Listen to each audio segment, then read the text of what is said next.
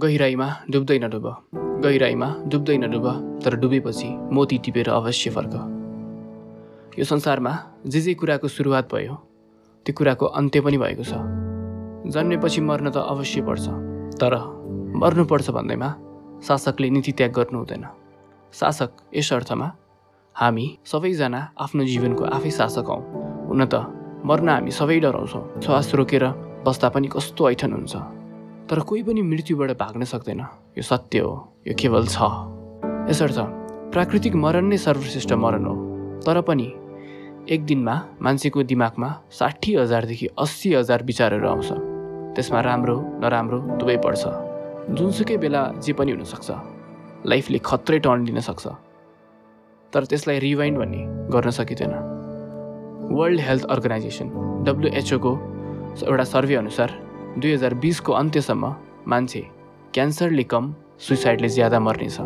र लकडाउनमा मात्र हेर्ने हो भने नेपालमा करिब एघार सय पाँचजनाले आत्महत्या गरिसकेका छन्। Mental health issue is a joke. मान्छेको जीवन खेलबाड गर्ने विषय होइन। मर्नका लागि हजारवटा कारणहरू होलान् तर बाँच्नको लागि एउटै कारण भए पनि पुग्छ। जतिसुकै अप्ठ्यारो भए पनि कमलको फुल हिलोको दलदलमा फुलेको हुन्छ। चट्टान फोरेर पिपल उम्रिन्छ। विचारहरू रोक्न सकिँदैन। तर व्यवस्थापन भन्ने गर्न सकिन्छ।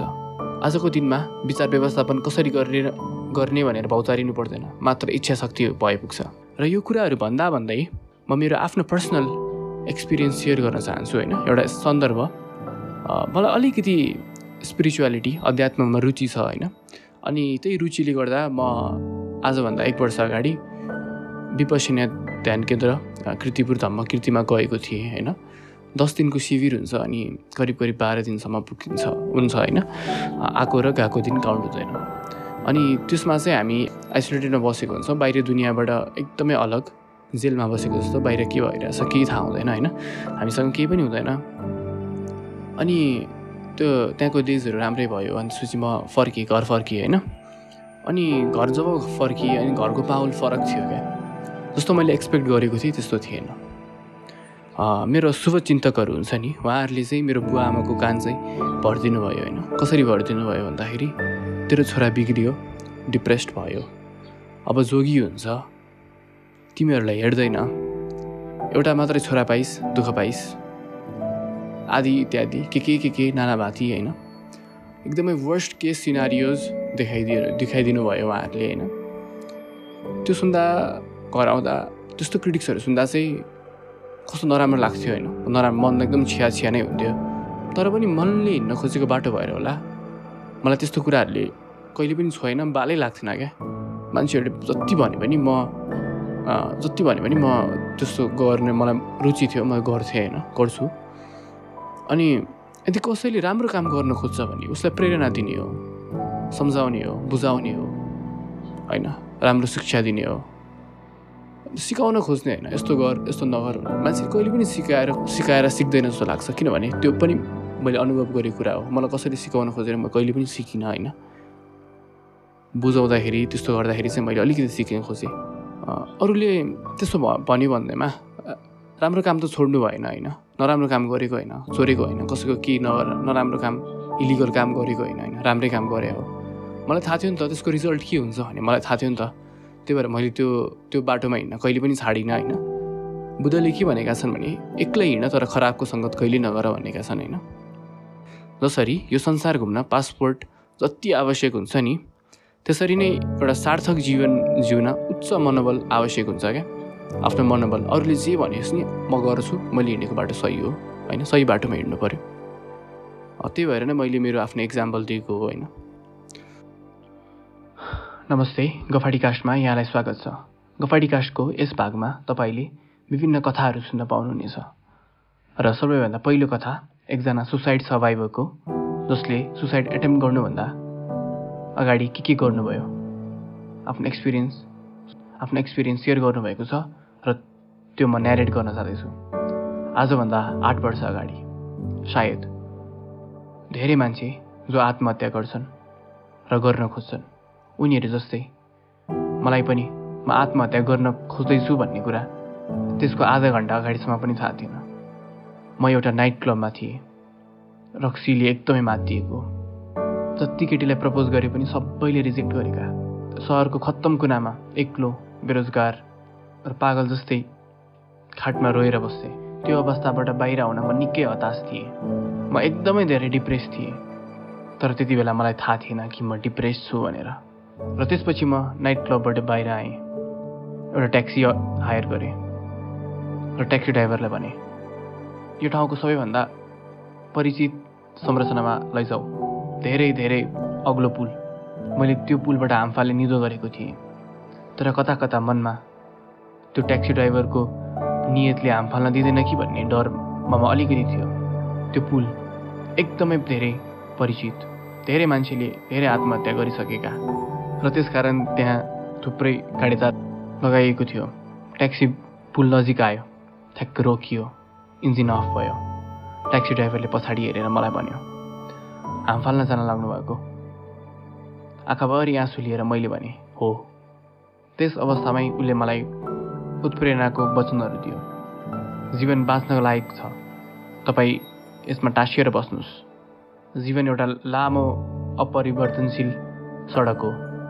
जहाँ तपाईँले निकै आश्चर्यहरू भेट्नुहुनेछ तर त्यो आश्चर्य भेट्नको लागि तपाईँलाई अनुभव चाहिन्छ र त्यो अनुभव तपाईँको उमेरले प्रदान गर्छ। यदि तपाईँले आफूलाई बचाउन चाहनुहुन्छ भने धेरै अवसरहरू प्रदान गर्नेछ छुट्टै तरिकाले। र उसले फेरि भन्यो म बससँग कुरा गर्छु तपाईँलाई यही ट्याक्सीको जागिर खोज दिनलाई केटीहरूले मान्ने मानेनन् भन्दैमा तपाईँ आत्तिनु पर्दैन। म एकदमै धेरै नसामा थिएँ। सायद एकदमै डिप्रेस भएर होला। र त्यो कुरा मलाई कहिले पनि राम्रो भएन। म राम्रै देखिन्थेँ। मेरो बाहिरी आवरण राम्रै थियो। एक न एक दिन लायकको जीवनसाथी पाउँछु यदि यो पुलबाट हाम फालिनँ भने भन्ने सोच ममा आयो। र त्यसपछि उसले मलाई मेरो घर छोडिदियो पैसा लिएन। मैले उसलाई मेरो नम्बर दिएँ। उसले एक महिनासम्म सधैँ फोन गर्थ्यो तर मैले त्यो ट्याक्सीको जागिर चाहिँ खाइनँ किनभने उसको बोस ऊ जतिको राम्रो थिएन। तर मैले आफ्नो दयनीय अवस्थाबाट बाहिर निस्किएँ।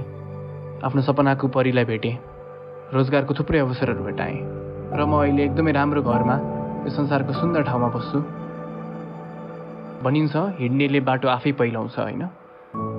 जति नै अँध्यारो भए पनि जति नै अँध्यारो भए पनि भोलि बिहान फेरि सूर्य उदाउँछ होइन? र एउटा मेरो लाइफको फेरि अर्को इन्सिडेन्ट सुनाउन चाहन्छु होइन? सुनाउन चाहन्छु होइन? केही समय अगाडि मेरो कम्युनिटीमा एकजनाले सुसाइड गर्नुभयो होइन? अनि म पनि हेर्न गएको थिएँ। अनि त्यहाँ अलिकति धेरै मान्छेहरू जम्मा भइसक्नु भएको थियो होइन? जुन लास्ट हुन्छ नि त्यो चाहिँ भित्रै थियो। जहाँ गरिएको त्यो स्थलमै थियो होइन? जहाँ सुसाइड गरिएको त्यो स्थलमा थियो। अनि म बाहिरै थिएँ। त्यहाँ मान्छेहरूको भिड यस्तो देखिन्थ्यो कि उनीहरूलाई त्यो लास हेर्न मात्रै परिरहेको थियो। उनीहरू तछाड मछाड गरिरहेका थिए। हेर्न पाए हुन्थ्यो हेर्न पाए हुन्थ्यो। रमिता होइन? लाग्छ कि उनीहरूसँग केही संवेदा संवेदना पनि छैन होइन। त्यस्तो त्यसरी हेरिरहेका थिए। अनि मैले सोचेँ मर्ने त मरेर गयो होइन बाँच्नेको अवस्था के हुन्छ त होइन? सुरक्षाकर्मीहरू आए अनि त्यहाँ सोधपुछहरू गरियो। मानव यसरी सोधपुछ गरियो कि त्यो मलाई मलाई सुन्दा पनि कस्तो लागेको थियो होइन? सुन्दा पनि कस्तो लागेको थियो अनि मैले त्यो सहनै सकिनँ अनि घर आएँ। म त्यसै घर आएँ क्या।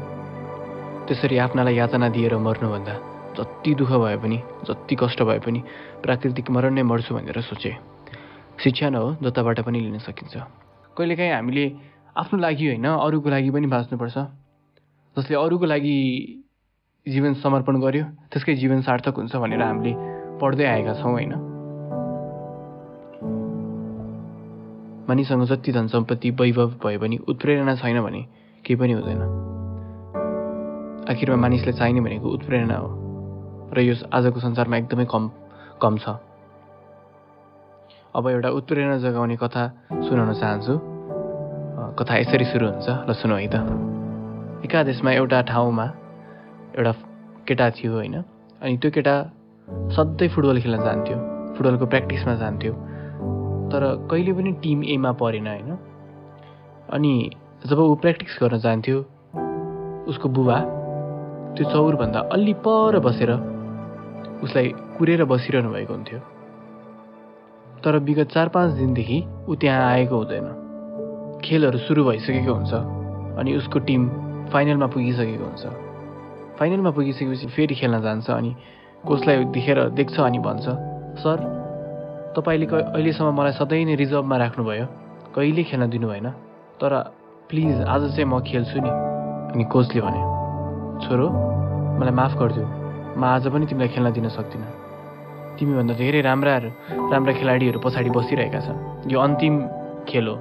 यसले विद्यालयको इज्जतमा आँच पुर्याउने काम गर्न सक्छ। आई क्यानट टेक चान्स त्यो केटाले एकदमै जिद्दी गर्यो। सर कसम म तपाईँलाई दोष आउने काम गर्दिनँ। म एकदम राम्ररी खेल्छु। सर प्लिज मलाई खेल्न दिनुहोस् न। Sir please. Sir please. त्यो कोचले कहिले पनि त्यो केटालाई त्यसरी गिरिरहेको देखेको थिएन। अनि भन्यो ल खेल। तर स्मरण रहोस् मेरा राम्रा खेलाडीहरूलाई छोडेर मेरो इज्जतलाई छोडेर म तिमीलाई खेल्न दिन गइरहेको छु। मलाई मलाई निचा नदेखाऊ। र र गेम सुरु भयो। गेम सुरु भयो र केटाले यसरी खेल्यो कि जतिचोटि हान्यो त्यतिचोटि नै गोल भयो। र ऊ अन्त्यमा त्यो गेमको हिरो हुनु पुग्यो अनि त्यो टिमले गेमै जित्यो। अनि गेम सकिएपछि कोचले गएर भने छोरो मेरो सम्पूर्ण जीवनमा कसरी गलत हुन सक्छु? मैले तिमीले यसरी खेलेको कहिले पनि देखेको थिएन। किन नखेलेको तिमी पहिला यसरी? के भयो आज? अनि केटोले भन्यो मेरो बाबाले आज मलाई हेरिरहनु भएको छ मैले खेलेको। तर कोच पछाडि फर्केर हेर्छ तर त्यहाँ कोही पनि हुँदैन। त्यहाँ एउटा खाली त्यहाँ एउटा खाली मेच मात्रै हुन्छ। अनि भन्छ छोरो तिम्रो बुबा प्र्याक्टिसको लागि आउँदा सधैँ त्यहीँ बस्नुहुन्थ्यो। तर आज त कोही पनि छैन त त्यहाँ। अनि त्यो केटाले भन्छ सर यो कुरा मैले तपाईँलाई कहिले भनेको थिइनँ मेरो बुबाले आँखा देख्नुहुन्थेन र चार दिन अगाडि उहाँको मृत्यु भयो। आज उहाँले मलाई माथिबाट हेरिरहनु भएको छ। Well what motivated the boy it was belief उसले के कुरामा विश्वास गर्यो? हामी जे कुरा सोच्छौँ अन्त्यमा त्यही हुन्छौँ होइन। हामीले जस्तो कुरामा विश्वास गर्छौँ हामी त्यही नै हुन्छौँ। जस्तो कर्म गर्छौँ त्यस्तै फल आउँछ होइन। राम्रो काम गऱ्यो भने राम्रै हुन्छ। नराम्रो काम गऱ्यो भने नराम्रै हुन्छ होइन। अब अन्त्यमा जाँदा जाँदा फेरि एउटा कथा सुनाउन चाहन्छु होइन? यो कथा एकदमै छोटो छ एकदमै छोटो। एउटा बालक चाहिँ नदीमा पौडी खेल्दा खेल्दै डुब्न लागेको अवस्थामा हुन्छ। ऊ चिच्चाउँछ बचाऊ बचाऊ भनेर। अनि एउटा ठुलो मान्छे अधवैश्य मान्छेले चाहिँ आफ्नो जीवनलाई दाउमा राखेर पानीमा हाम फाल्छ अनि त्यो बच्चालाई बचाउँछ। अनि जब त्यो अधवैश्य मान्छे जान खोज्छ त्यो बच्चाले रोक्छ अनि भन्छ धन्यवाद। त्यो अधवैश्य मान्छेले भन्छ के को लागि? त्यो बच्चाले भन्छ मेरो ज्यान बचाउनको लागि। त्यो अधवैश्य मान्छेले बच्चाको आँखामा हेरेर भन्छ छोरो जब तिमी ठुलो हुन्छौ नि तब सोच्नु कि तिमी यो दोस्रो जीवन जिउन साँच्चीकै योग्य थियो त? कति राम्रो कथा होइन? यसले हामीलाई साँच्चीकै नै झकझकाउने छ यो कथाले एकदमै झकझकाउँछ होइन? मलाई पनि झकझकाएको थियो होइन? आखिर जीवन किन जिउने त? मैले अनि कतै पढेको थिएँ क्या। जीवन भनेको धान्ने मेलो हो। जसले जसरी सक्छ उसले त्यसरी नै धान्छ होइन? भनिन्छ चरेस खानु तर हरेस नखानु भनेर होइन? गर्दै जाने हो गर्दै जाने हो। पाहाड चढ्न जति गाह्रो हुन्छ त्यसपछिको भ्यू त्यति राम्रो हुन्छ होइन? र अन्त्यमा जाँदा जाँदै के भन्न चाहन्छु भने ups and downs are very important in life to keep us going because a straight line in ECG means we are not a life आजको यो श्रृङ्खला अलिक छुट्टै हुन गयो होइन। र निकै अन्त्यमा आचार्य राजन शर्माले लेख्नु भएको यो पङ्क्ति हारहरूको निराशामा होइन हारहरूको निराशामा होइन जितहरूमा जीवन चढाउनु छ। हामी बाँचेको सुन्दर कहानी भावी पुस्तालाई पढाउनु छ भावी पुस्तालाई पढाउनु छ। वेल यति जेलसम्म सुनिदिनु भयो धेरै धेरै धन्यवाद। तपाईँको सल्लाह सुझाव प्रतिक्रिया सधैँ वेलकम नै हुनेछ। यदि तपाईँलाई मन पर्यो भने सेयर गरेर नबिर्सिनु होला आफ्नो साथीहरू समक्ष पनि सेयर गरिदिनु होला। हाम्रो भेट अर्को साता हुनेछ। धेरै धेरै धन्यवाद। र अस्तिको पार्ट टू पनि हालेको छुइनँ होइन। त्यो चाहिँ म नेक्स्ट टाइम हाल्छु होइन। आम रियली सरी यो चाहिँ मैले गर्नै पर्ने एउटा स्पेसल टाइपको श्रृङ्खला नै भएर हो होइन। धेरै धेरै धन्यवाद।